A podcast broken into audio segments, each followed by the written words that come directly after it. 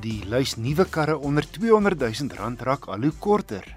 Suzuki het daarom nog twee reekse onder die kerf, die Espresso en die Celerio.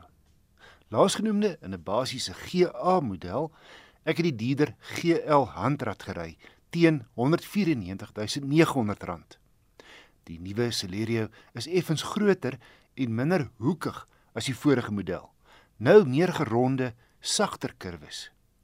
Die GL kry misligte voor en swart 15 duim alloy wiele wat saam met die toetskar se donkerblou hom nogal 'n houding gee en laat uitstaan tussen die ander kapokgewigte. Spasie binne is heel billik vir 'n luikerig wat net 3,7 meter meet. Harde plastiek in die paneelbord. Maar alles voel solied en is netjies uitgelê.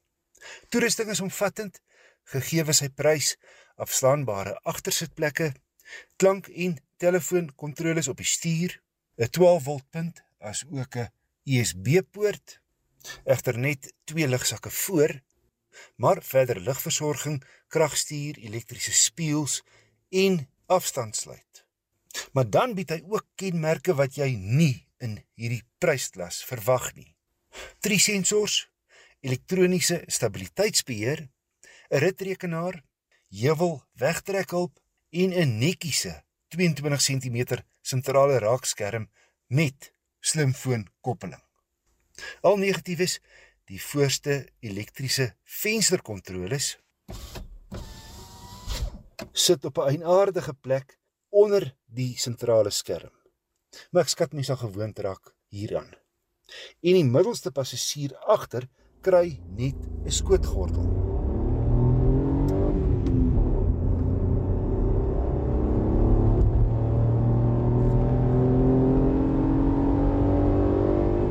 Sy 3-silinder 1000 cc skop net 50 kW en 90 Nm uit, maar die karnalie weeg net 805 kg. So kraglewering is meer geesdriftig as wat die beskeie syfers suggereer. Verbruik op my stad en ooppad roete was 'n uitstekende 5 liter per 100 km of dan 'n rykafstand van 640 km op sy 32 liter tank. Aangehelp deur 'n stoprystelsel, ook die eerste in die klas. En hoewel in wese 'n stadskar, voel hy nie soos 'n klein kar teen 120 nie, met die toere in vyfde by 3200.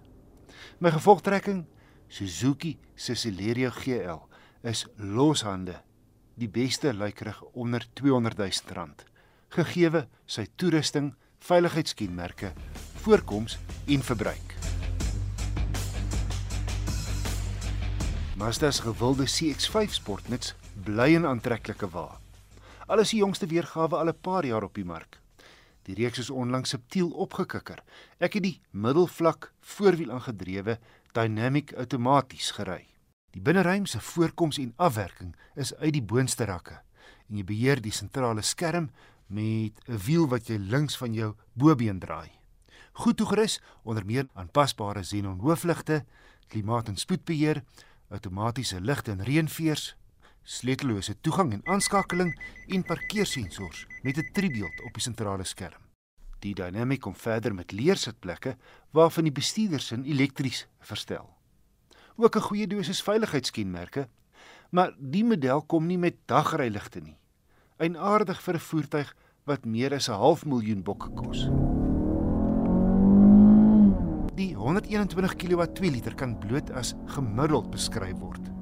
Meestal voldoende maar 'n relatiewe lae 210 Nm wrinkrag teen 'n redelike hoë 4000 toere beteken dat die 6-spoed outomaties vinnig terugskop na lae ratte wanneer jy die lepel diep intrap. En dan raak die masjien nogal afwaaierig. Ai, hoe verlang ek na die lieflike CX-5 2.2 turbo diesel wat ek so 'n paar jaar gelede getoets het.